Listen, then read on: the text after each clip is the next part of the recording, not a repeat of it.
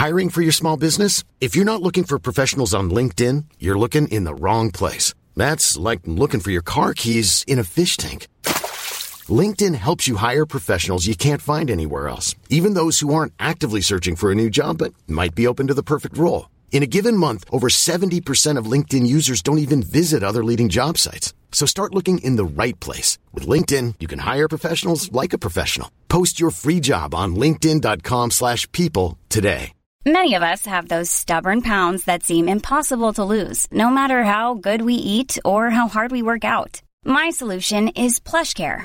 PlushCare is a leading telehealth provider with doctors who are there for you day and night to partner with you in your weight loss journey. They can prescribe FDA-approved weight loss medications like Wagovi and Zepbound for those who qualify. Plus, they accept most insurance plans. To get started, visit plushcare.com slash weight loss. That's plushcare.com slash weight loss. Planning for your next trip?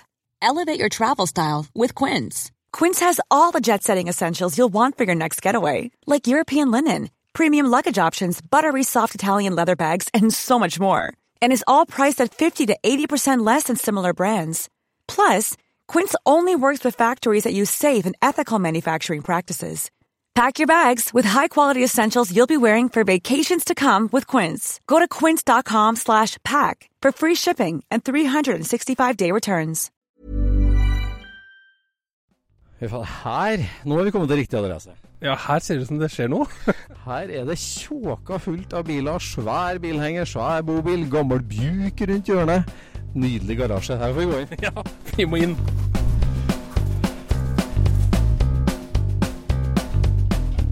Du lytter nå til Scootspodden, en norsk podkast om klassisk bil med Jon Roar og Øystein.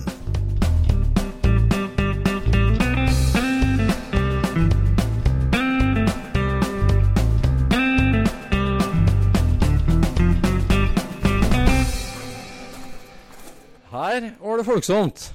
Fy fader, her er det skruing. Hei på Richard. Ja, hei, hei. Velkommen hit. Takk for at vi ble invitert. Her er det full aktivitet, fullt av folk. Hyggelig. Ja, det skal jo være sant skal være sant, eller riktig skal være riktig. Du, jeg har ikke invitert dere, dere har invitert dere sjøl. Vi har invitert oss sjøl. Takk for at du sa ja. Ja, det er bare hyggelig. Vi møttes jo på Oslo Motorshow, så har vi hørt mye historier om det. Jeg tenkte, Der er han med gale-Mathias med Porsche 935. Han må vi snakke med.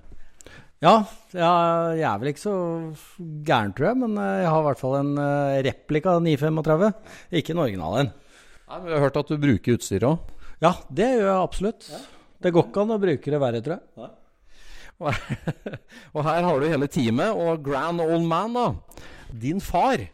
Ja, farsan han kom jo og leverer en eh, felg som har vært ned på retting i dag, så, så sa du får komme klokka seks, da, for da får vi besøk i garasjen. Og da sa han ja. Veldig hyggelig. Lasse, 83 år. Fire. 84. Åt noen dager. To uker etter. Men du kjører aktivt bil fortsatt? Ja.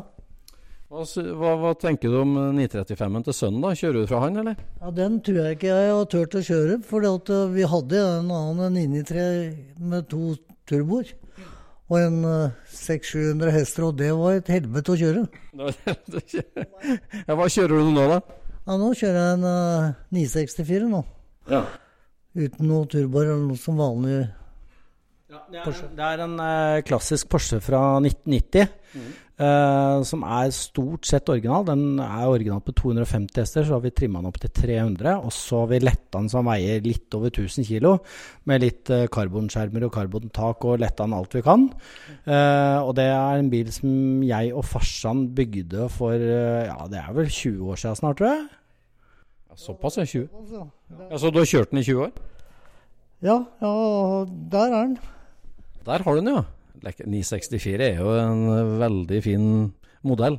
Bra, fin bil. da. Hvordan eh, holder du følge med de yngre, da? Eller holder de følge med deg? Jeg er jo gæren, du.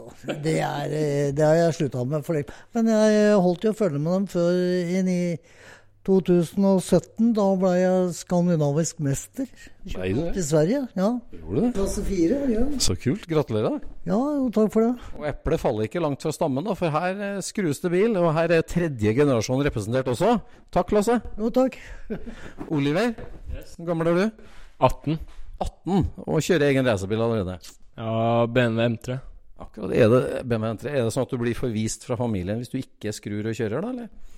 Jeg kom litt utafor miljøet, da, så det handler jo litt om å være med. Men eh, jeg er på en måte oppvokst med det, så det er jo på en måte litt uh, Litt jeg holder på med, det er litt gøy. Ja. Så da er det fint å drive med det.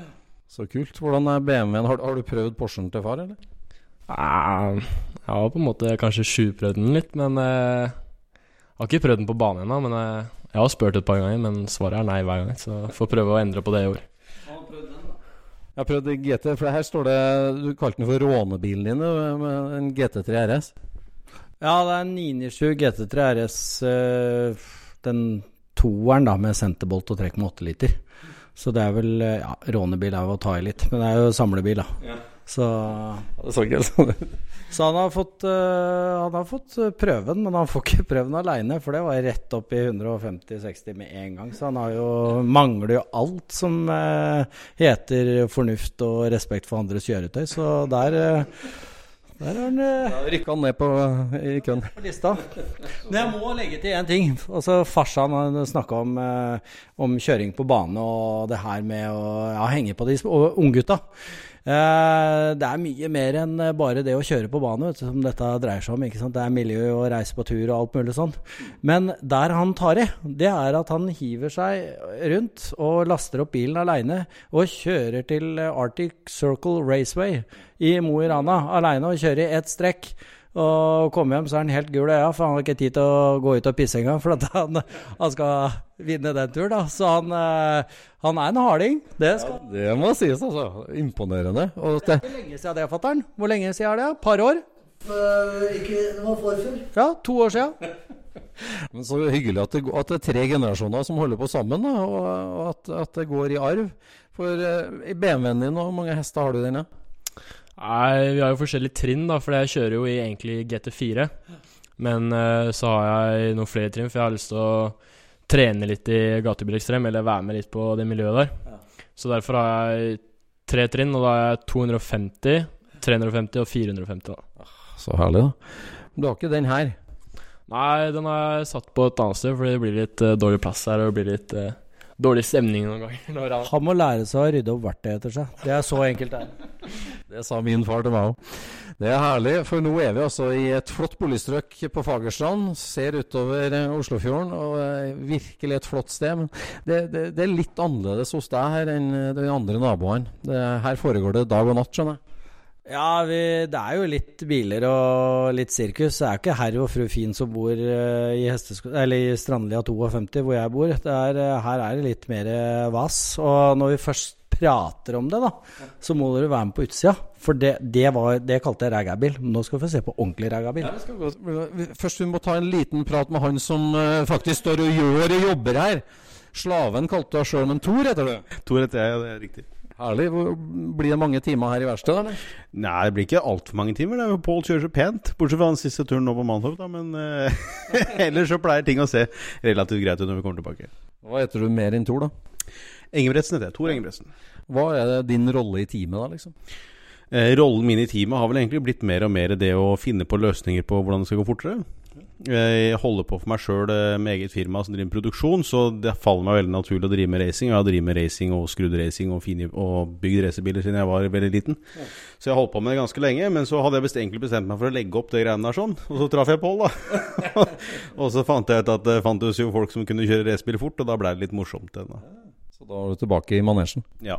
Jeg syns egentlig eh, racingmiljøet i Norge er litt Har ikke vært helt på toppen, i hvert fall de åra jeg drev med det før hoppa litt i historisk og litt sånn forskjellig, og det blir litt, det blir litt for strikt. Eh, og det jeg syns var kult med Pål og bilen hans, var at han kjører jo i ekstrem, i gatebilekstrem. Så der er det jo ikke noen grenser. Så du kan jo Det er jo bare fantasien som setter grenser, egentlig. Så det er jo veldig gøy. Da. Hva er det siste du har brukt fantasien din på på løpsbilene som står her? Du finner på løsninger. Hva er det siste nå? Uh, siste er at vi har begynt på, begynt på ducting og splitter foran på bilen. Uh, jo, han hadde jo en splitter på bilen som var relativt bra. Uh, Mangla bare litt rann, veiledning av luft foran på bilen. Fordi vi hadde en liten glippe foran mellom splitter og framfanger der luft kunne, luft kunne komme over splitter og ødelegge for det vi prøver å få til med splitteren.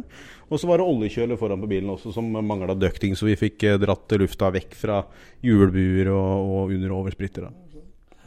Der er det litt i utforskningsfasen da, og teste litt forskjellige ting, eller? Ja, så vi tenkte vi skulle, etter det dere har med i kveld, så tror jeg det blir nok noe forming av 3D-splitter, tenker jeg, og lage noe mer vingeformer under bilen. Kult, da. Artig å kunne utfolde seg på en sånn. da. Mm, ja, absolutt. absolutt. Da får vi ut og se på rånebil, da. Reggarbil. For uh, her inne så henger altså Porsche 935-replikaen i bukken. Demontert. Barbert nå med uten skjermer og fanger og ditt og datt, for at vi har knekt noe Ja, knekt noe ting og tang, men det kan vi sikkert komme tilbake til etterpå. Eh, men det blir eh, på stell igjen, det her. Ja, for det, det er nå til helga du skal kjøre igjen? Uh, ja, altså om en og en halv uke. En og en halv uke. Her er vi ute av garasjen, ja. Her står Bobcatten, eller ja. Og her, ja. Buk. Ja, her snakker vi Reggavogn. Så det er den nyeste Er det 758, eller? Det er 57. Fy faen. Det var jo, eh, Firedørs stolpebil med originallakk, solbrent. Den er helt solbrent og fin. Og så er det jo selvfølgelig full instrumentering originalt. Og saueskinn, for han jeg kjøpte nå, var bonde.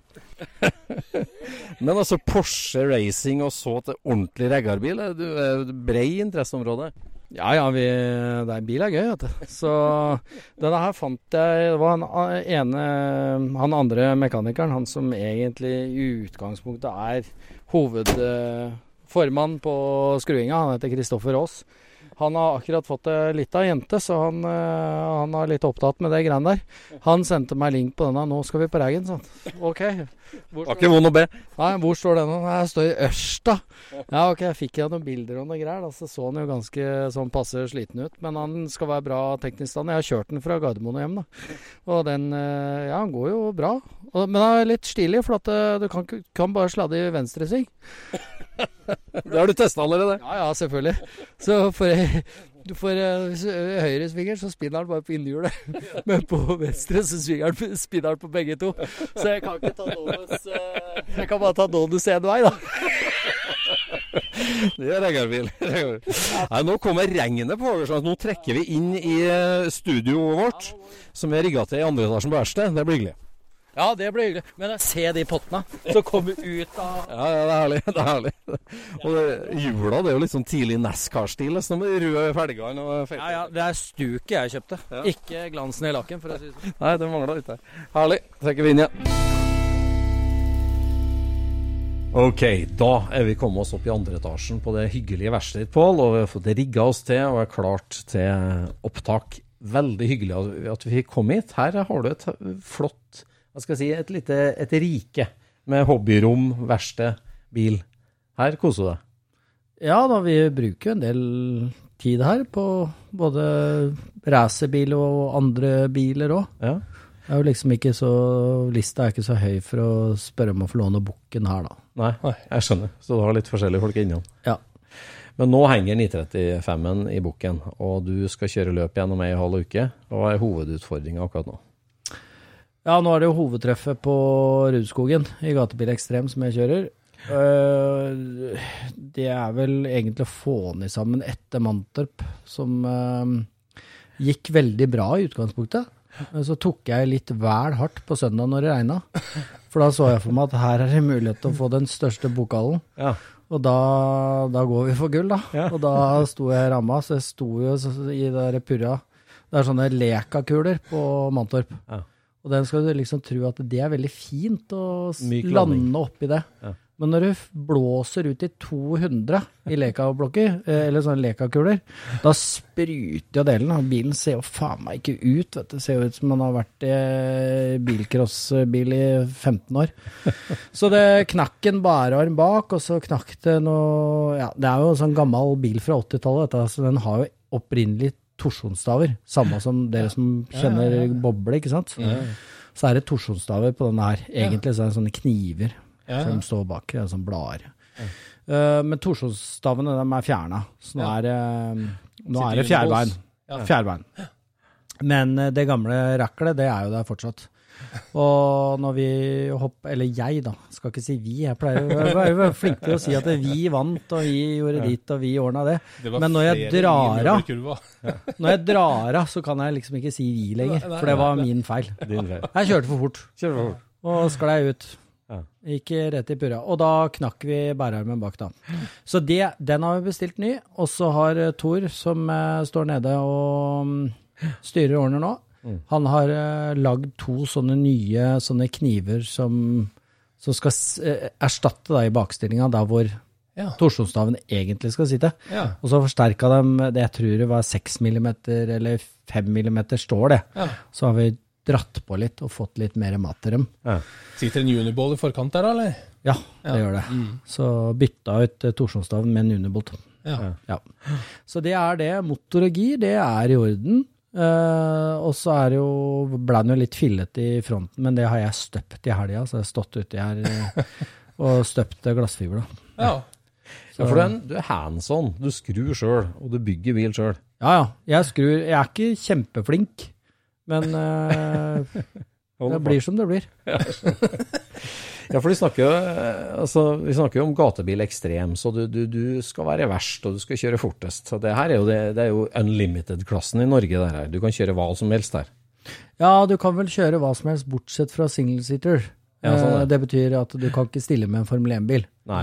Eh, Men du kan komme med alt mulig annet. Og vi har ikke noe limit på vinger eller høyder eller brei, bredde på dekk eller effekt eller vekt eller noen ting. Det er bare å gønne på. Ja. Eh, Så vi har jo for så vidt gjort det, vi også. Uh, Men eh, vi har jo noen trinn, da. Ikke sant? Vi kjører sånn maks ECU datasprut på bilen, så vi kan liksom dra opp Ja, ja. ladetrykket som vi vil, da. Ja. Så vi kan jo egentlig i utgangspunktet få så mye effekt du ønsker. Mm.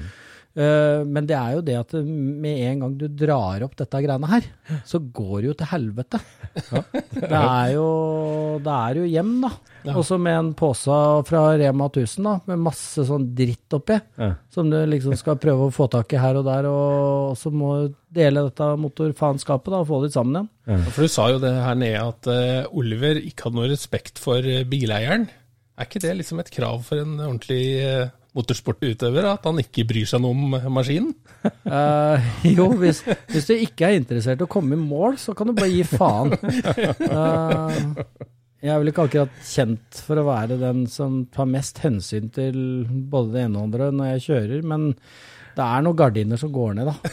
Ja, ikke sant? Så, men eh, når lommeboka begynner å bli tynn, da, Ja. så den der knappen på dashbordet, den, den havner lenger og lenger unna. Så at jeg må, jeg må løsne på beltet for å tre, dra henne opp ett trinn til.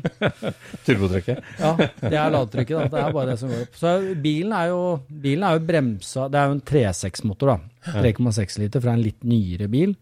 Og så med én singelturbo, en Gareth svær jævel. Og så går den på sprit. Så han går ganske bra før du får ladetrykk. Ja. For han går på noe som heter E85. Det er 85 eh, sprit, og så er det 15 bensin. Det er egentlig litt av det samme som du får på pumpene nå, men det står E5. Ikke sant? Så her er det litt mer sprit, og da brenner den mye kaldere.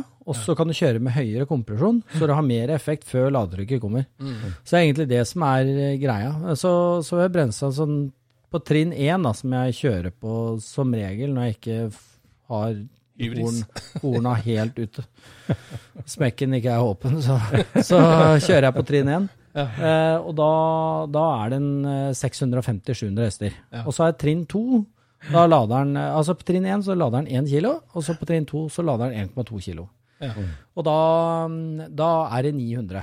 Og det er stor forskjell, altså. Ja, ja. Den går som et helvete. Du hører at det går i stykker. Det er bare å finne fram lommeboka med en gang det gir gass. Det var på Våler nå siste løpet. Det var jo Eller forrige løpet, da. Første gatebil ekstremløpet. Da gikk det jo kjempefint. Vi hadde andre startspor, og um, eh, på, ti- det er noe som heter time attack. da. Så vi er, vi har, I gatebil ekstrem så har du tre løp. Du har time attack på fredag, og så har du finale én på lørdag og finale to på, på søndag. Og som regel så er det liksom klokka to hver dag, eller klokka tre hver dag. eller sånn, et eller annet sånt noe. Så vi, vi fikk jo andre startspor, øh, og det er kjempebra. Med bilen vår, jeg er kjempefornøyd. Det er seier, altså. Det er bare Kai Roger Bakken som er foran. Eh, og så kommer eh, lørdagen, og da er det finale. Ja. Og da eh, hadde vi problemer med lyden. Eh, støy. Ja. Og da har vi de fleste som er litt interessert i bil og har turbo, da vet de at det har noe som heter Westgate. Det er en som åpner når eh, ladetrykket går opp, og så blir det fri eksos rett ut. Og den, den, det er jo fri eksos. Den freste oss som et helvete, ikke sant? så vi fikk klage på lyden. Så da tok vi også justerte det med å bare ta og snu vesketten og så sette den rett ned i asfalten. Og det funka. Bortsett fra at den dro til seg all mulig dritt, vet du. Så den satsa fast, den. Ja. Ikke sant? På løpet på lørdagen. Så stilte vi på andre startspor, og den satt fast. Så jeg, jeg kjente at jeg fikk så jævlig seint ladetrykk. Når jeg først fikk ladetrykk, da. Så er liksom 1-7-1-8-1-9, Og da bare tenker fytti helvete, dette her går jo til, dette går jo til dundas. Nå spreker det. Ja, så da, men da, da tok jeg og justerte det med at jeg, jeg når ladetrykket liksom reiste, så gira jeg. Ah, ja. Så jeg klarte å komme meg i mål. Ja. Og vi havna på andreplass. Oi. Så det var bra. Så vi fikk eh, bare hona opp det og fiksa det til søndag, så var det i orden igjen. Så ja. Deilig. ja det, men det går jævlig bra. Han veier 1000 kilo, og så 1000 kilo 900 hester. Klart det går bra. Det er klart det går bra. Det går som faen, det. ja. Og du er aldri redd når du kjører? Nei, ikke Er det noen sperrer? Du sier gardinene går ned, men er det noen sperrer, liksom? At det, Ja, det er når, det er når ting går i stykker, når det liksom går i stykker hele tida. ja. Da får jeg litt sånn, da sitter jeg og tenker på liksom at da, da, da er ikke den frie, frie flyten. Nei. Men det skal ikke mange rundene til før det forsvinner. Nei. Og du liksom eh, Ja, dette går jo bra. Nå synger han jo som er katte, liksom. Da er det bare å øse på. Da forsvinner jo det med en gang. Og da er det bare fullt fokus på å kjøre så fort som mulig. Jeg klarer aldri å kjøre uh, på 80. Nei. Klarer jeg aldri. Aldri Nei. gjort. Nei. Jeg kjører 100, og gjerne 110. Selv om jeg vinner, leder, Ja. så gjør jeg det. Eller ja, det kan vel Det er ikke hende noe å safe det inn, liksom. Nei, jeg klarer ikke å safe hvis jeg ligger på femte engang. jeg. Har ikke sjans, jeg skjønner ikke poenget. hva, hva kommer det av, da? Hva kommer det av at du ikke klarer det? Nei, Hva faen er gøy å kjøre racerbil i halv fart, da? Nei, altså kan Det er bare at det er mye mer moro. Du kan kjøre raggebil isteden, da. Ja. Nei, det er bånn gass. Det er mange- Men altså, Pål, selv om mange nå kjenner deg som ja, gatebil ekstremutøver, da, og et, et, et sirkus av en bil og en, en type, det, hvor, hvor starta det her hen? Altså, vi har snakka med faren, møtte jo faren din der. Han har tre sønner, alle kjører billøp, blant annet du. Ja, Han ene er jo ikke sønnen til fattern, det er sønnen min, da. Ja, ja, ja, men han, ha, var det ikke sånn at faren din hadde tre? Så har ikke du to Jo. brødre? Jo, jo. han ene kjører racerbil. Ja. Det er Jack. Han Ja. er eldste. Og så har jeg han midterste. Ja. Han heter Truls. Han kjører ikke racerbil. Han skal aldri kjøre racerbil. Oh, nei, Jeg har sittet med, på med han én gang på Rudskogen. Ja. Uh, han, skal, han skal ikke Han får ikke lisens, han. Jeg har sagt ifra til Bilsportforbundet at han, den mannen der skal ikke ha lisens. Men han har en jævlig fet uh, 67 Stingray Corvette. Ja. Sånn split window-variant Ja, ja, med sånn derre Z7-motor, er det noen som heter det? Ja, ja, ja. ja, Ja, ja, den bilen. Den, må Ja. jo, ja, det En svart den? Bygd av Lindvall. Ja, Lindvall har bygd Ja, den. ja, ja, den har broderen. Det, vi har hatt Lindvall på podden, vi, og prata Ja, om den bilen. Ja, Den ja har så broren den, den har brutter'n. Den er relativt velbygd. Ja, den er veldig fin. Det var jævla moro. Han hadde- hadde bygd om til servostyring. Vet du. Bil sto på, sto på, på verksted i Sverige vet du, i tre år. Så, så det styret man får dra og få henta denne bilen. Vet du. Så han tar med seg, låner hengere og drar nedover og styrer årene. Vet du. Etter tre år så skal han enda få servostyring. Vet du. Så skal gutta i Sverige kjøre den bilen. Så når gutta svinger til høyre, så går bilen til venstre. Da gikk det et år til, gitt. Men nå, nå har han styring, da. Ja. Ja, ja. Nei, så, så broderen, broderen Jack, Jack han eldste, Mm. det er han som har begynt med racing. ja, det er sånn, ja. Ja, Det var han som begynte med roadsport. Ja. Eh, jeg tror han begynte med en 911 Turbo, jeg. 930 Turbo. Fra 80-tallet. Det heter eh, du var lillebror. Jeg er minstemann. Jeg er jo 11 og 13 år etter enn de andre, så jeg er jo kjempeung i forhold til det. sånn. Og mye kjekkere.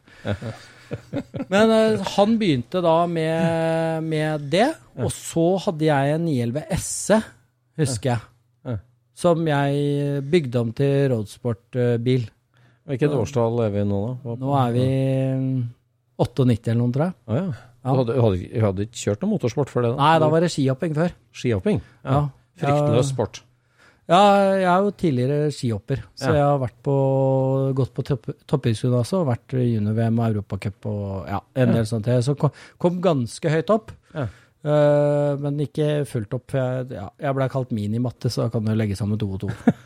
så, Så det gikk litt gærent, det òg. Det var noe karaoke og noe greier som ødela det der. Det var ikke den typiske Olympiatoppen. Nei da, men eh, det, var, det er ikke noe det er, det, Jeg har nesten levd av motorsport i noen år, så det har vært helt ålreit. Ja. Og nei, så, så, kjø, så broderen kjøper, og så begynner du å ja, så begynte jeg å kjøre rollsport, jeg også, og så hang fattern seg på. Så fattern er tredjemann, faktisk. Ja, sånn, Og så tok det litt av for meg, da.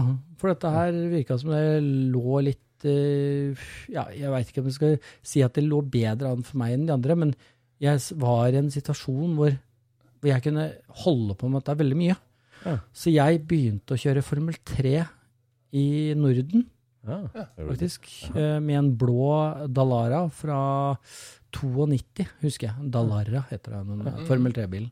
Som jeg kjøpte av en sånn luring nede i ja, Askim, nei, ikke Askim, Skien. En bruktbilselger som tok den der 911 som jeg hadde kjørt rollsport med, i bytte, og så kjøpte jeg den.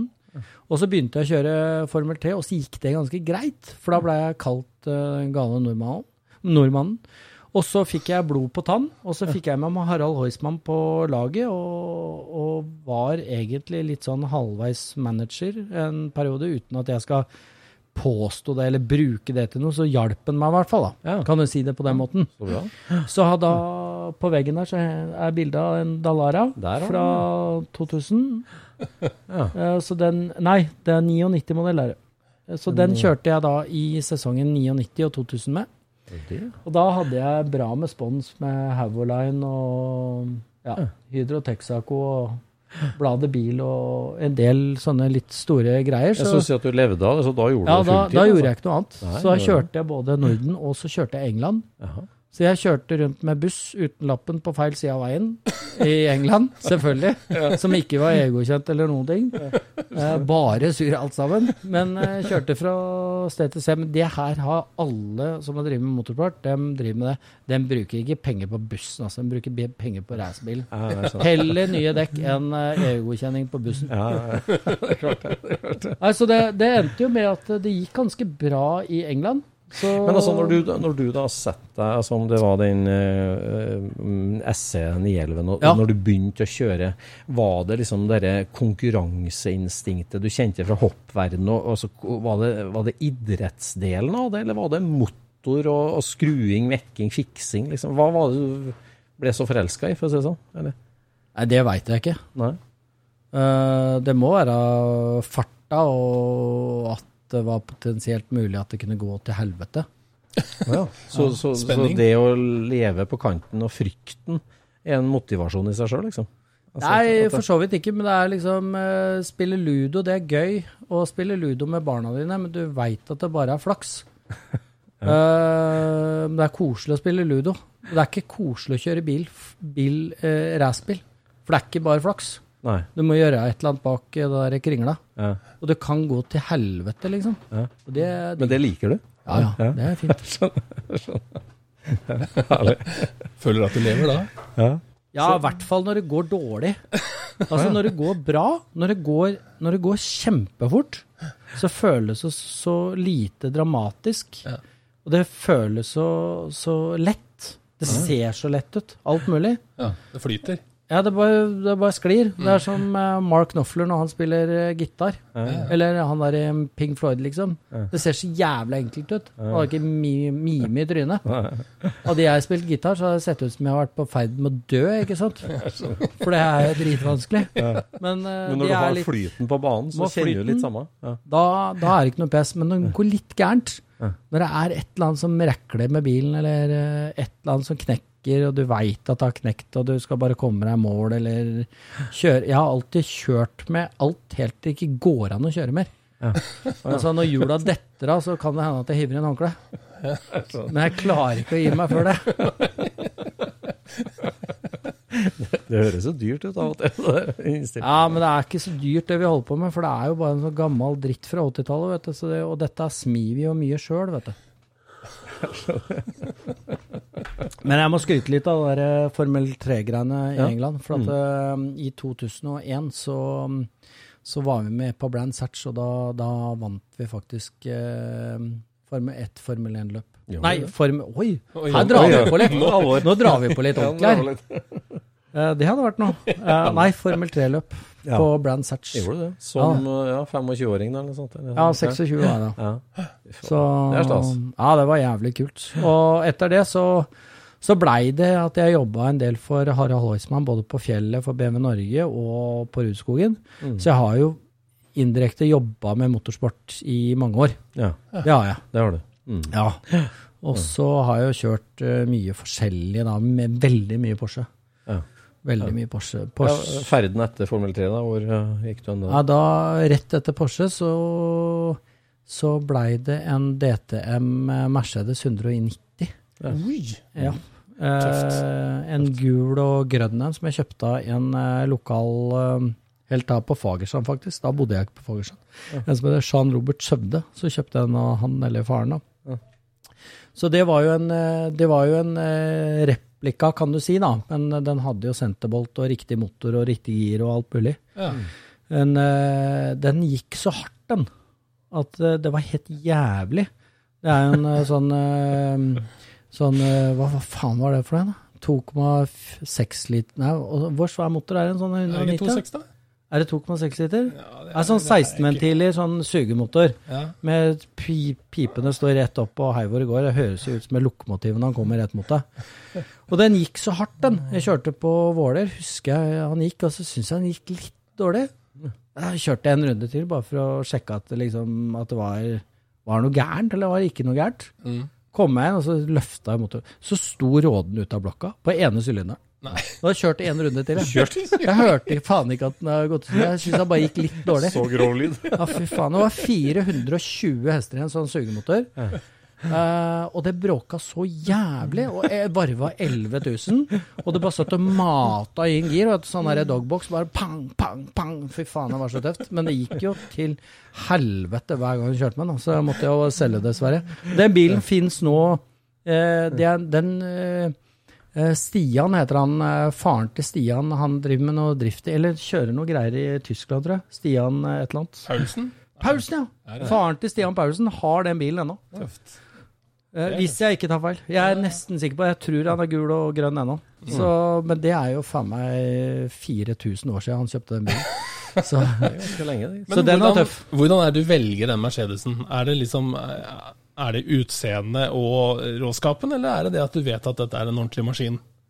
Hva, hva, hvordan velger du disse tinga du kjører i? Nei, det aner jeg ikke. Det aner jeg ikke. Innfall? Eh, ja, det er litt tilfeldigheter og litt muligheter. Og når det, de som har drevet med motorsport, eh, eller spesielt motorsport, da, det vet at det er veldig mye sånn hånd til munn-greier. at eh, ja, vi får selge den der Cayenna. Det var kult å ha den et år, men nå, nå tør jeg ikke gå inn og se på Finn hva han har vært lenger. For at eh, jeg holder ikke følge med hva, hva jeg har i lån, liksom. Så nå må jeg bare selge den. uh, og da, da går jo det utover det andre greiene du har, da. Så må du selge noe annet for det, Så er det å starte på nytt. Og så, det blir som en narkoman da, som slutter på narkotika hele tida. Og så får han eh, penger fra Nav, og så begynner han igjen. Det samme er det med motorsport, tror jeg. Det går litt bølge der. Det er litt sunnere motorsport, da. Jeg, jeg veit ikke, jeg. Kanskje ikke. Jeg vet ikke. Many of us have those stubborn pounds that seem impossible to lose, no matter how good we eat or how hard we work out. My solution is PlushCare. PlushCare is a leading telehealth provider with doctors who are there for you day and night to partner with you in your weight loss journey. They can prescribe FDA-approved weight loss medications like Wagovi and Zepbound for those who qualify. Plus, they accept most insurance plans. To get started, visit plushcare.com slash weight loss. That's plushcare.com slash weight loss. Hiring for your small business? If you're not looking for professionals on LinkedIn, you're looking in the wrong place. That's like looking for your car keys in a fish tank. LinkedIn helps you hire professionals you can't find anywhere else, even those who aren't actively searching for a new job but might be open to the perfect role. In a given month, over 70% of LinkedIn users don't even visit other leading job sites. So start looking in the right place. With LinkedIn, you can hire professionals like a professional. Post your free job on linkedin.com slash people today.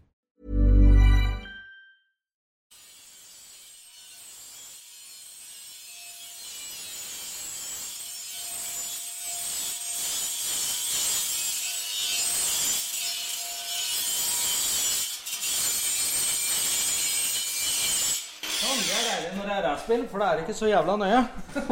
Så nå er den helt perfekt. Nå er det perfekt. Den er helt uh, top of the line. Ja, for det, det gikk litt galt i siste runde, var det sånn? Ja, dette er egentlig fra Vålers, fra første løpet. Ja. Så da Da krasja jeg med Kai Roger Bakken. ja. Og Bil mot bil.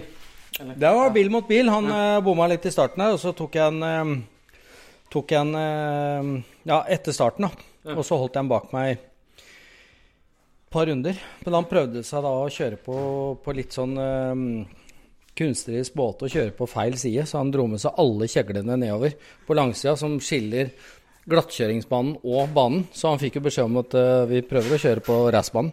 Så der, det her er fra han, da.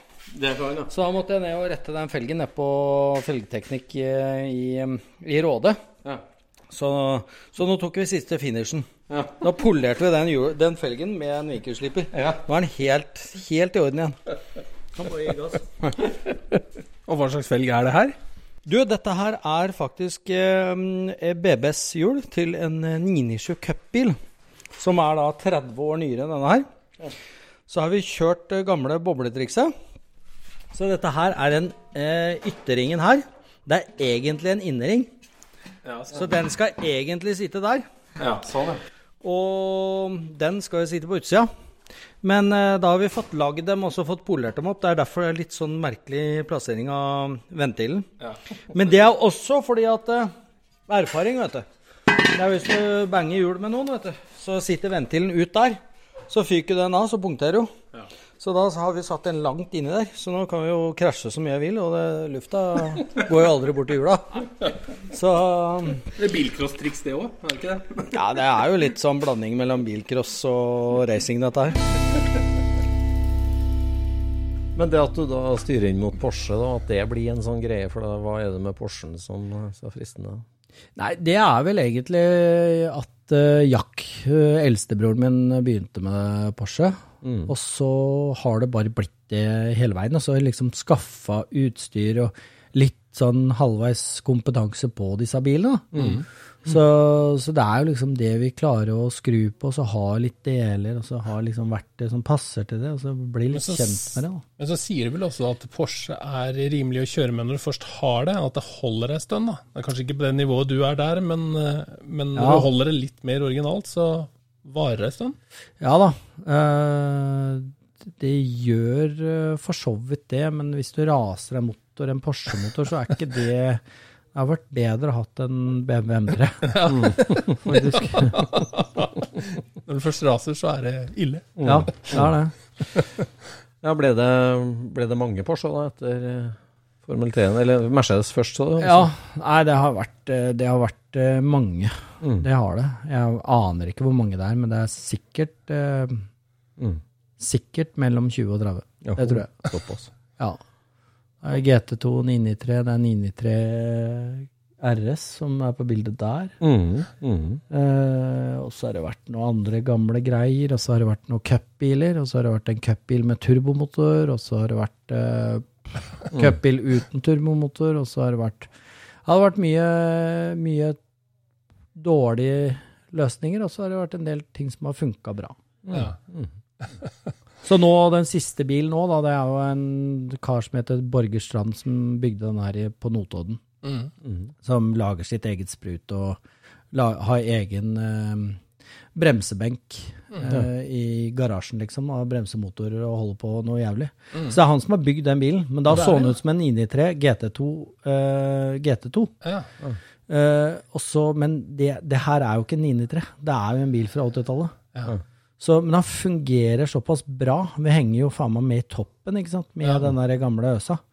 Så da tenkte vi at det var morsomt hvis den kan se ut sånn som man skal en racerbil på, på det tids, den tidsepoken. 70-tallsversting.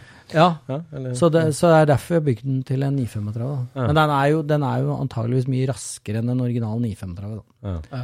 Ja. Han er nok det. For en original Men for et Ja. utseende 935 har, det er, er jo kul. noe av det råeste som Ja, finnes, altså. Ja, ja. helt rått. Fikk du tak i de formannene, eller? Ja, det er, eh, de er fra en eh, Robin Johansson i Sverige. Eh, Så faren hans kjørte jo den 935 K3 i 79, sånn som jeg har skjønt det. Så dem hadde originale former. Oi, oi, oi. Ja. Så, og dem driver jo sånn støpeverksted. ja. Men du har ikke den doble bakruta, har du det? Selvfølgelig har jeg det. Ja, du har begge rutene der òg? Ja, ja altså jeg har innfestninga til begge rutene. Jeg, har vel ikke- jeg har vel ikke den innerste ruta, nei. Det stemmer, det. For det skal være begge rutene. Ja, for de fikk jo ikke lov å flytte bakruta. Nei. Men det var, de sa jo ingenting om å legge en ny en utapå. Nei. Nei, det stemmer det. Så, men vi har gjort akkurat det samme. Ja, ja, ja. Men jeg tror vi har tatt bort, eh, eller det er jeg ganske sikker på, at vi tok bort Ja. den innerste ruta pga. Ja, ja, ja. dog. ja, For dere har jo ikke noen regler i Gatebilekstrem sånn, Nei. så da, det er ikke noe vits i å så Og Når var du bestemt deg for å ta skrittet opp i gatebil ekstrem, da? Eh, Jeg har vært litt sånn innom eh, nå og da. Eh, Opp gjennom alle år, egentlig. Helt siden 2007-2008. Ja. Um, men nå, det siste, så har det bare vært at det har vært noe som har trigga meg, den der gatebilekstremklassen. Det skal være verst. Ja, det veit jeg ikke, men det er Ja, det, det har funka Det funker for meg. Ja, ja. Du snakka litt om det nede her, at motorsport er så mye mer enn bare liksom det å kjøre løpet. Altså hele, hele familien og stemningen. Og hva, hva er det liksom med motorsport som gjør at du, ja, du har blitt der i 30 år da, nå? så langt? Ja, det er jo ikke kødd engang. Eller? Nei, det er jo det å Det blir jo som å dra på camping, men å ha en, eh, en syssel på den campingturen, da. Ja, sånn. Det er jo litt det samme. Vi har jo bobiler, og vi har liksom griller, og liksom står og vasker grillen og passer, passer på at det er i orden, og fikser bobilen og sørger for at vi har kopper og kar og blomster på bordet. Og... Så det er jo den delen òg, da. Det er et team. ja. Ja. Men er familien med? Nå møtte vi jo eldstemann, Oliver, nede. ja, han er med litt tidvis, og så er jeg med han når han trenger det. Ja. Eh, og så er jeg litt i sammen med fattern, men uh, jeg har jo tre kids til, vet du. En på fire, og en på seks og en på sju. Så det er litt sånn uh, ja, begrensa hvor Jeg kan ikke være på flere steder hele tida. Noen ganger klarer jeg det, men ikke alltid. En travel kar, tror jeg. Ja, ja. En kone, hun med i bobilen? Nei, hun bor, hun bor ikke her. Hun Nei. bor 70 meter unna. Hun Vi orka ikke det kjøret her, så hun leier seg hybel oppi gata isteden. Tenkte det var lurt. Ja, for det energinivået ditt, det er det liksom du, du, har mer, du har liksom mer å gå på enn mange, antagelig, med energinivå. Ja, det er mulig. Det aner ikke jeg nå. Men øh, det er jo Jeg har mer luft igjen i bakhjula ennå, så jeg henger med litt til. Hva driver du med nå på dagtid, da? Nei, jeg driver med driver som sånn øh, mini-entreprenør, da. Ja. Så jeg driver og graver og leier ut små maskiner. Ja. Så jeg har lastebil og gravemaskin og hjullaster og litt sånn småtteri, og så driver jeg og pynter opp i hagen til folk, eller graver ut i garasjer eller sånt. Skjønner. Så jeg driver helt aleine. Ja. Det er fint, vet du, for når jeg må på Rudskogen på torsdag, opp, eller pakke og reise på torsdag, Ja. så kan jeg si til kundene nei, torsdag og fredag er opptatt, er jeg på, da driver jeg med noe annet. Ja. Trenger ikke å si at jeg skal på Rudskogen og blåse av 100 lapper, liksom. Det er fordelen. Den Porschen nede, da, du sa han var bygd av Borgerstrand. Ja. Han som har bygd motoren, og, altså, hvor, hvor langt går dere her i garasjen på Fagerstrand i skruinga? Åp, åpner du motor og skrur fullt det ut der, eller hvordan? Jeg åpner litt, men eh, vi åpner ikke helt ned til Veiva. Nei. Da går vi opp til eh, Notodden. Ja. Ehm, så, men vi Og så har jeg en annen kompis som eh, også er fra Notodden, som heter Kjetil Suser. Han driver sånn eh, CNC-verksted. Så han har lagd dette her opplegget for å Det er jo ikke senterbolt på en eh, 930 turbo. 930, vet du. Nei. Ikke sant? Så da har vi lagd det uh, sjøl. Ja. Jeg så det satt noen sånne knotter der, ja, som Ja driver felgene. Så det, det er ordentlig senterbolt, for da bruker jeg da noe cuphjul fra en eh, Altså senterbolthjul fra en 997 cupbil. Ja. Eh, og så har vi da ja, gjort noe greier for å få dem breie nok, da. Ja. Så det er egentlig bakhjula til en 997 cupbil som sitter foran. Ja. Og så har vi bygd om forhjula og snudd eh, det greiene der. Hvor breie felger har du foran og bak der? Det er 11 tom foran, og så er det 14,5 tom bak. Ja. Og da har du grep nok, da, til alle 900 hester. Ja, det er ikke egentlig et sånt utprega problem å altså, ha grep til det. Uh, Utfordringa er vel egentlig mer eh, styring på, ja. på vei ut av svingene, ikke på vei inn, for han er så lett foran. Men du kjører med spole, eller er det Spole? Ja, spole, eller har du, eller har du Nei, jeg mener spole. Hva er spole? Ja, Spole det er når du ikke har diff i hele tatt, ikke sant? Men du har kanskje en diff-sperre, da, eller? Å ja, sånn. Er spo- Nei, jeg har sperre, ja. Du har sperre, ja. så du har noen prosent eh, slipp, liksom? Jeg tror det er 80 på, 80 på brems og 60 på pådrag. Ja. Ja. Jeg er litt usikker. Ja. Så han vil jo rett fram, selvfølgelig. Ja, ja, ja. Men, øh, men jeg, jeg Mm. tror med litt effekt så tror jeg det spinner veldig fort på innhjulet. Mm. Så heter det spole når du ikke har, Ja, da har, diff. altså I dragracing da, så har du bare en aluminiumskladd der istedenfor den der sånn. Så da går hjula oh, ja. helt likt, ikke sant. Men altså, oh, ja. kjøre til veien eller på bane med det, det, Det går ikke. det krever veldig hard gassføring. Å, ja, ja, ja. ja det, det lærte, da lærte jeg noe nytt. Mm. Eh, nei, så, så men, eh, men eh, med tanke på grep, da, så er det ofte ved pådrag at alle tror liksom at Nielva 911 er så jævla overstyrt ut av svinga, men den er faktisk ikke det. Han er egentlig understyrt ut, og så er han litt overstyrt inn. Ja. For da, når du Ja, når du Han er lett foran, og så Mm. liksom Han svinger jo inn. Ja. Så jeg syns jo det er veldig rart når folk legger sandsekker foran i en 911 for å få med det grep, for den vil jo bare dytte vekta rett ut til sida, sånn i min verden, da. Ja. Um, eller flytte batteriet helt fram, eller et eller annet. Um, jeg har ikke den holdninga til vektfordeling i en bil. Nei, nei, nei. Så, så jeg føler at uh, turn-in er veldig bra, og så sliter vi med, med høyhastighet, med, med mye pådrag. Da. Mm. Da, da vil den rett fram. Ja. Eh, Men nå har jo det blitt veldig mye bedre nå etter at vi har eh, I vinter har vi fått en eh, Gembo-vinge bak, og så har vi driver Tor og så lager noen splitter-opplegg med noe, noe opplegg foran der. Så det, det føler jeg hjelper veldig. Ja. Kan vi kjøpe, kjøre mye hissigere ja, sporvalg, da. Da vil den mer. Mm. Mm. Men jo, hiss, jo mer en bil sitter, da, jo raskere Du får mindre Altså Hvis du kjører med en Seat uh, Tango, eller hva faen det heter, da, Fiat Punto, eller hva faen Et eller annet sånn uh, rackel. Hvis du kjører det på bilen, alt, eller på banen, og så kjører alt du kan, så vil du jo få forvarsel på at det slipper et kvarter før det slipper, ikke sant? Mm. Jo raskere bilen går, jo mindre forvarsel må det være. Så du må være enda mer klar. Og for, du må liksom kjøre mer med rumpa. Ja.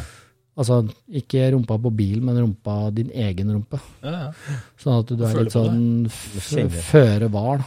Når du kjenner at noe er like før, og så er du, er du klar med Men må du, gå, må du gå av gassen, og så skifte retning, og så gå på igjen? Eller kan du bare justere? Nei, Hvis jeg gjør det, da er hele, da er hele opplegget ødelagt. Ja. For når du kjører med en turbo som har en diameter som en sånn 20 liters vaskebøtte, så har du et turbolag da på Ja. 16,5 minutt, ikke sant? Så du har ikke lyst til å begynne på nytt. Hva heter den der kameraten din, da? Den turboen? Jeg husker ikke. Nei, Det er ærlig Det er noe Gerrit uh, stor. Ja. Kjempestor. Plukka av- lastebilen? Ja, det er, det er nok eh, størrelse på sånn lastebilturbo. Nei, du ser jo disse BMW-gutta kjører større. Jeg syns den er svær, jeg, da. Ja. Men eh, det er jo turbolag. Det er jo det. Ja. Så, så du vil jo ikke det, så det blir jo å korrigere med ratt isteden. Mm. Og så blir det jo ofte litt sladding. Mm. Men de det er jo bare stilige. Ja. Det er, Står ikke fortest alltid, men Nei, men det er ikke alltid det betyr så mye. Nei. nei. For når du ligger bak og skal ta inn en gammel bil fra 70-tallet med masse hester som du veit ikke har traction-kontroll, ikke ABS, det er så vidt han har styre og gasspedal, liksom. Er jo bare det enkleste. Ja. Og så når du ser den bare gå sidelengs, og det går bare fortere og fortere, så må det jo skje noe oppi huet ditt. Da hadde det skjedd hos meg, i hvert fall. Og det tenker jo jeg på når jeg kjører. Jo mer dette går litt sidelengs, og fortere det går, og liksom Det er nesten så jeg gjør det litt med vilje også, bare for å sjuke ut eh, gutta litt. Det er det. Ja, ja. For her er det mer å gå på, liksom. Ja, ja. Her er ikke noe problem. Litt uti i grusen og greier, og hei hvor det går. Dette tar ikke lang tid før han ligger ute i sandfella, liksom. Og så Nei, han gjorde ikke det likevel, nei. Det gikk bra, ja. Bare nybegynnerflaks. Nei da, jeg holdt på med Neste dette i sving 30 år, ja. Det er litt showing, ja. Ja, vi må jo Det er jo det som er Det er jo hele opplegget. Det er jo ikke noe Du vinner jo ikke akkurat eh, 300 millioner når du kommer først over mål, da. Så du må jo showe litt på veien. Ja, for det miljøet, altså den klassen av gatebil ekstrem, det er jo knallhard konkurranse, men det er, det er et godt miljø dere gutta imellom, eller? Ja, det er stort sett det. Det er jo noen som uh, er litt særere enn andre. Mm. Uh, men jeg opplever at uh, ja, at vi kan låne deler av hverandre og verktøy og alt mulig sånn. Det er, det er mulig at det er noen som holder igjen lite grann nå. Når vi driver og puster dem i ryggen. Ja. Hvem veit? Hva er største forskjellen på din bil og de argeste konkurrentene? For det, det er jo alt mulig der, som du sier. Det er utrolig vanskelig å si. Eh, det er jo mange av disse bilene som er med i Gatebilekstrem, som er eh, bygd som racerbiler og er relativt nye og dyre. Mhm. Eh, men så har du jo de som er hjemmebygde, sånn som f.eks. min. Ja. Eh, det har en del fordeler der òg, for at den er lett. Ja. Og så kan du gi faen. For at det, hvis jeg legger den på taket, så er det ikke tre millioner. Nei. Det er 200 000, liksom. Mm. Da får jeg bare stå over litt, da. Ja. Mm. Så det er fordeler og bakdeler. Bak, bakdeler. Altså det er jo sånn som det var en fra Trondheim, så kom det en sånn KTM-variant, sånn karbon, karbonjævel. Og den, eh, den koster jo fire-fem millioner eller et eller annet. Jeg aner ikke. Det er bare noen rykter jeg har hørt. Men det er i hvert fall dyr, da. Ja. Eh, og det er klart at eh, når du kjøper en sånn og skal kjøre gatebil ekstrem i sammen med en sånn idiot som meg, det er klart at du, det er ikke hypp å legge den på taket bare for å sitte og skåle den bort med en Jegermeister på kvelden, liksom. Det er ikke like stilig, det. Så det er fordeler og ulemper med disse bilene. Så største forskjellen på disse bilene er vel at eh, ja, prisen Mm. og formålet og ja, det å gi litt faen, egentlig. Ja, Men er, det, er, det, ikke flere i det segmentet ditt, da, eller? Med hjemmebygd Ja, det er det. Ja. Mm. Kai Roger Bakken kjører også hjemmelagd. Ja. Og det er jo min argeste konkurrent. Han kjører jo en Lotus som Dagfinn Larsen bygde for mange år siden. Ja. Har ikke det vært en sånn super saloon i utgangspunktet? Jo da, den har vært med i 100 år. ja, ja. Så den burde jo egentlig ha stått på Teknisk museum. Det er ikke kødd engang. Den er jo dritgammal. Mm.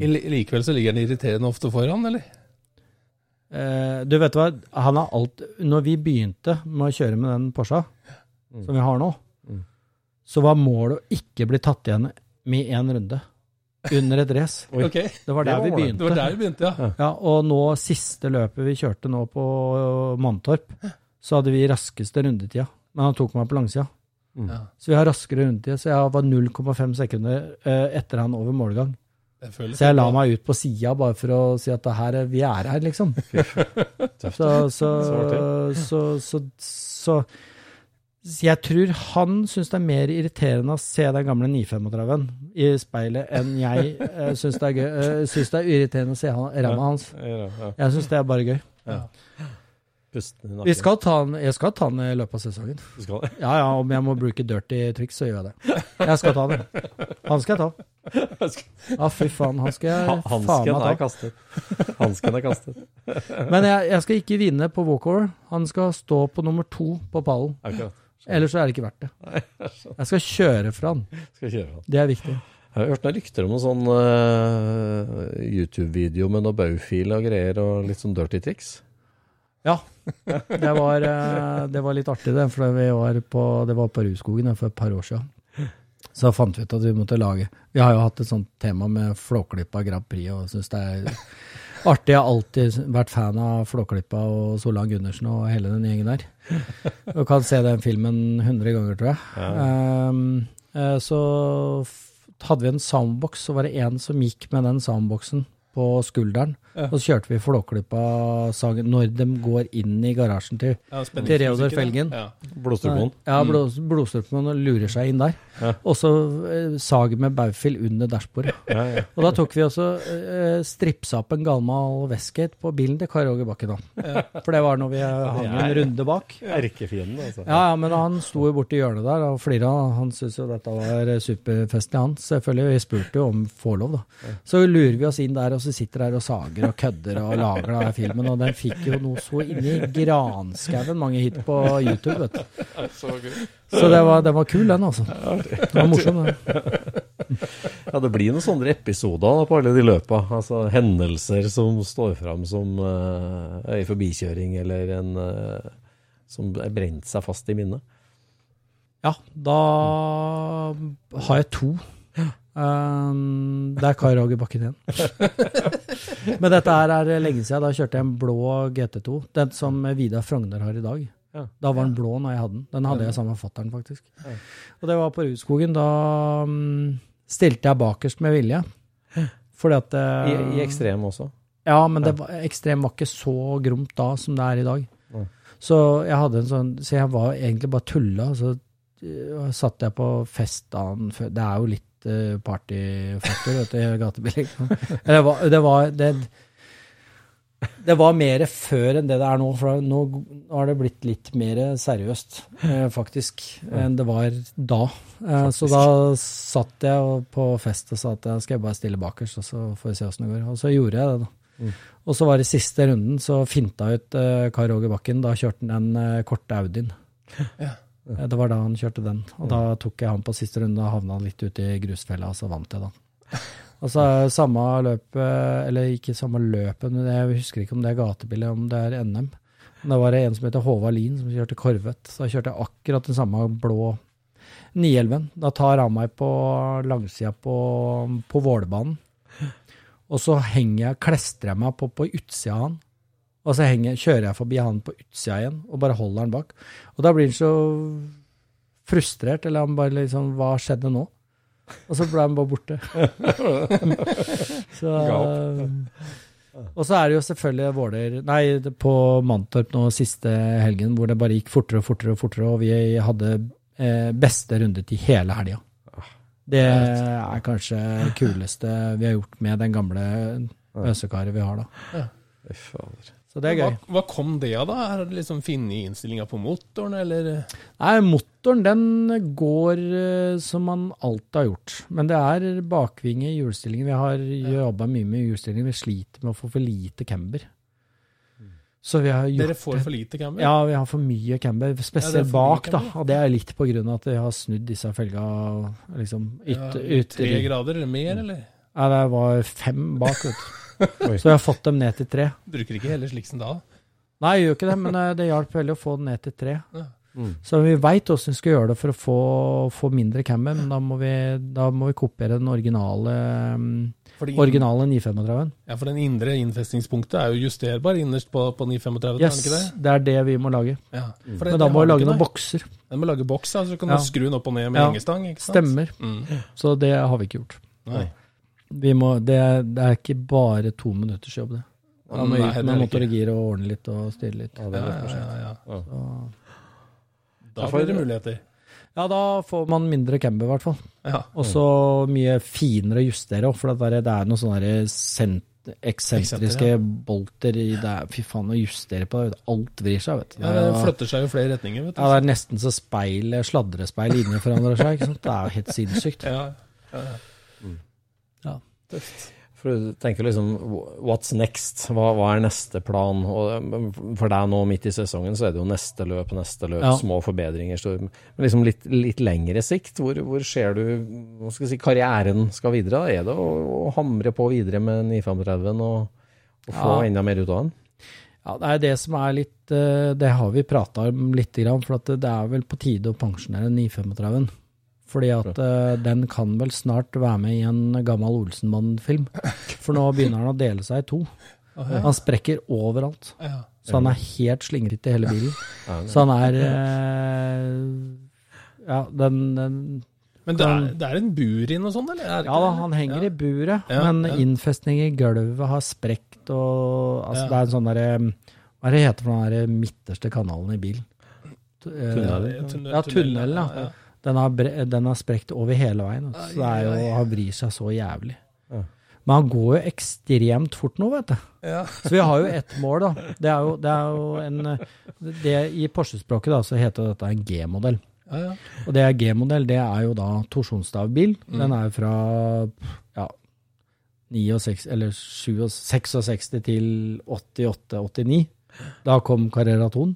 Mm. Så da har jo den de gamle bærerma. Ja. Og nå er vi på 1,26 på Rudskogen, det var vi i fjor. Mm. Jeg tror vi klarer, hvis jeg ikke driter meg ut, klarer langt under 1,25. Ja. Og da snakker vi eh, nye cupbiler, altså. Mm. 2022 cupbiltider. Ja, ja, ja. Og det er porno. ja. Så Men vil du si at du gjør det med krefter? Det er, er, det er krefter eller finesse liksom, som gjør at du kjører så fort? Nei, det har jeg ikke lyst til å svare på. Nei. For det eneste svaret, Svaret på det, det er um, Det er klokka som gir det svaret. Jo da. Og så. Nei, jeg skjønner ikke sjøl hvorfor den bilen går så fort. For jeg syns sjøl han går et sinnssykt fort. Ja, ja, ja, ja. For det er jo ikke tre millioner hester inn. Nei, nei. Det er liksom 700 hester, og det er en gammel G-modell. Men han er lett, og det er breie hjul. og Men det er et eller annet med den bilen. Det har alltid vært en eller annen sånn derre F- S- X-faktor med den bilen. Ja. Så hvis den hadde stilt opp i Britain's Got Talent, så hadde den kommet videre til finalen, er jeg helt sikker på. For det er, det er et eller annet. talent, Nå har han sprekt så mye at han flekser så fint, og følger veien så bra. Ja, faen, når vi kjørte på Mantorp nå, vet du, så, vi, så var det jo tørt på lørdagen. Og da hadde vi beste rundetid. Mm.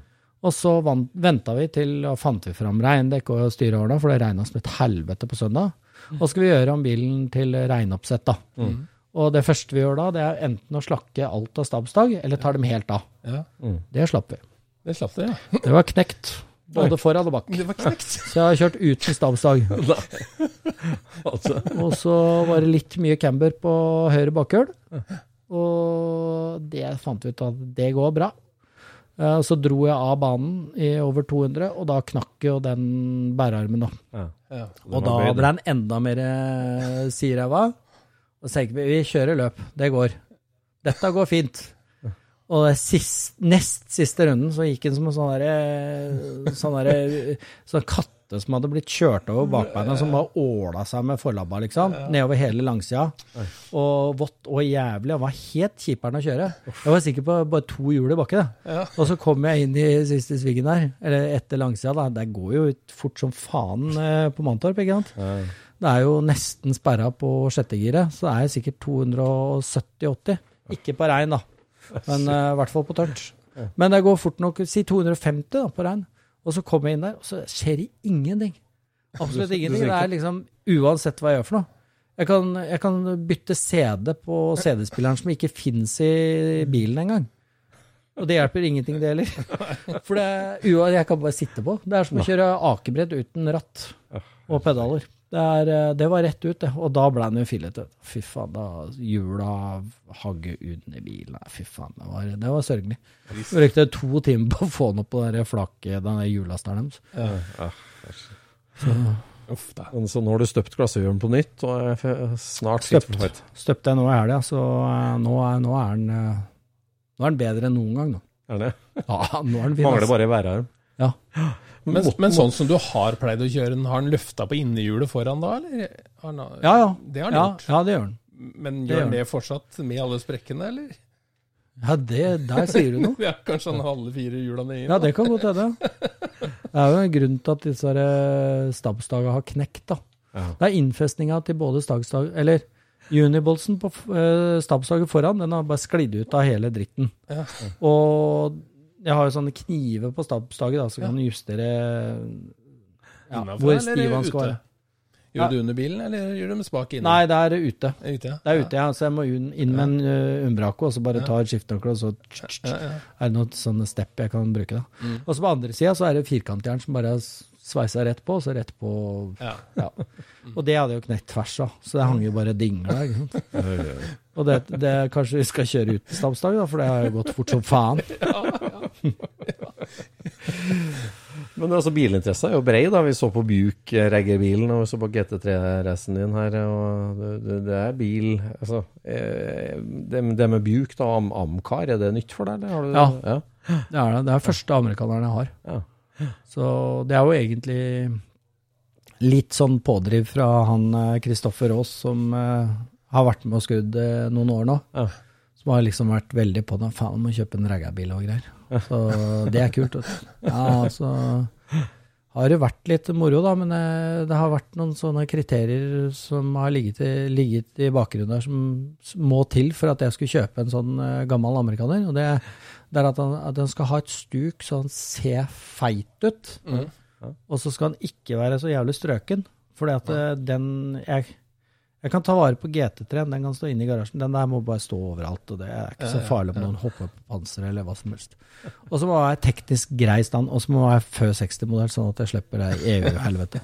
ja, ja. var, og da var den, og så var prisen grei, og så kom den fra Ørsta. Ja. Og han var bonde han jeg kjøpte den av, så da tenkte jeg at en bonde kan ikke lure folk. Han ga jo med saueskinn og greier. Så da var det jo bare å kjøre på, da. Så da kjøpte jeg den usett, så den kom jeg på sånn der eh, langtransport, eller sånn biltransport i går, da. Jeg holdt jo på å få sjokk da jeg kjørte dette spetakkelet av det eh, rakkelverket. Nei da, bilen er fin, den. Så spinner og herjer. Du har brei bilinteresse, men koser du deg mest eh, med mekkinga eller med kjøringa? Eller sosial? Eller? Uh, det er uh, Jeg må vel si at jeg syns det, det koseligste er når vi er uh, på banen etter endt løp eller time attack, og sitter i teltet, lager litt god mat og tar en øl. Ja. Og så står bilen på luftjekka og er ikke helt skrot. Jeg må jo si at jeg setter pris på akkurat den ja, de minuttene der. For det var ikke lenge. Det er snart lørdag og første finale. ja. Hvor stort er startfeltet i år da på Ekstrem? Um, det er vel Overall så er det mellom 30 og 40 biler med. Eh, men alle bilene er jo ikke med hvert løp. Nei. Så på Rudskogen så regner jeg med at det blir mellom 30 og f- eh, eh, Nei, 20 og 30 biler. Eh, på, på Mantorp så var det ikke mer enn 14-15 biler. Men det er litt på grunn av at det er litt langt å reise dit. På Våler også var det et par og 20 biler. Så, så ja, mellom 20 pluss, da. Ja. Så det er ganske greit startfelt. Men det er vel litt artig det at Flåklypa Grand Prix Altså, Du kommer jo ikke nærmere startfeltet der enn i Gatebil Extreme. Altså, Det ser jo ut som Flåklypa Grand Prix, for det er stor spredning. Alle typer bil. Du har litt kileforma bil, og du har litt vingebil, og ja. Ja, Du mangler jo egentlig bare Mysil Bergsprekken som sitter og pumper dirty tricks foran eh, på panseret på Kai Roger Bakken, så er vi jo der. Ja, ikke sant? Så Nei, det, det, er jo, det er jo kult med gatebil ekstrem, vet du, for at det er så jævlig mye forskjellig, og så er det så jævlig mye hjemmelagd. Ja. Det er jo Audi Urquator, det er liksom BMW M, eller 5-serie BMW, da. Med noen svære turboer og noe greier, og noen svære flak av noe greier. Og så er det noe Ja, mye greier. Eh, hva heter det der eh, Hva heter det der små, små Forden? Den der lille Forden. Som ser Fiesta? merkelig Nei. Nei. Å ja, hva, eller noe sånt? Nei, nei, nei, en enda gamlere Ford, tror jeg det er. Anglia? Nei. Anglia, jo. En Anglia, Ja, Ja, ja. den var jo på Mantorp, vet du. Ja, den Anglia. Ja, ja, stemmer det. Og den har jo da alle sånne aerodynamiske utforminger for at dette skal gå bra, vet du. Og så har den jo bakrute vet du, fra helvete som går bakover, ikke sant, så ødelegger alt. Alt andre er bare bortkasta. Men det er jo kult, da. Det er jo drittøft. Men hvis den 935 skal pensjoneres, da, hva skjer da? da? Nei, det går jo ikke an å pensjonere den og ikke fortsette med et eller annet annet. Nei, Nei, nei. det gjør det ikke. Uh, Rægabilen, den får uh, bli rægabil. Det blir Det blir- ikke den, nei. Det blir Nei. ikke full satsing der. Nei, det blir ikke det. Det blir hekkemotor, eller? Ja, det Han eh, Thor som er nede og ordner, han er veldig på den at vi skal på et eller annet annet Alt annet enn BMW, da. Ja, Oh, ja. Alt Det annet enn. BMW. Ja, han vil ikke mer BMW. Så hvis det skulle vært noe som var noe annet, så hadde vi havna på 190 igjen. Ja, En sånn Altså. med V8-er. Det hadde jo vært ordentlig tøft, da. Det var døvt. det er. Men det er, det er litt sånn Det er veldig på tegneblokka. Ja. Det er ikke noe Vi har ikke, ikke noe konkret i hele tatt. Det er bare sånn drømmelandopplegg. Ja, ja, herlig.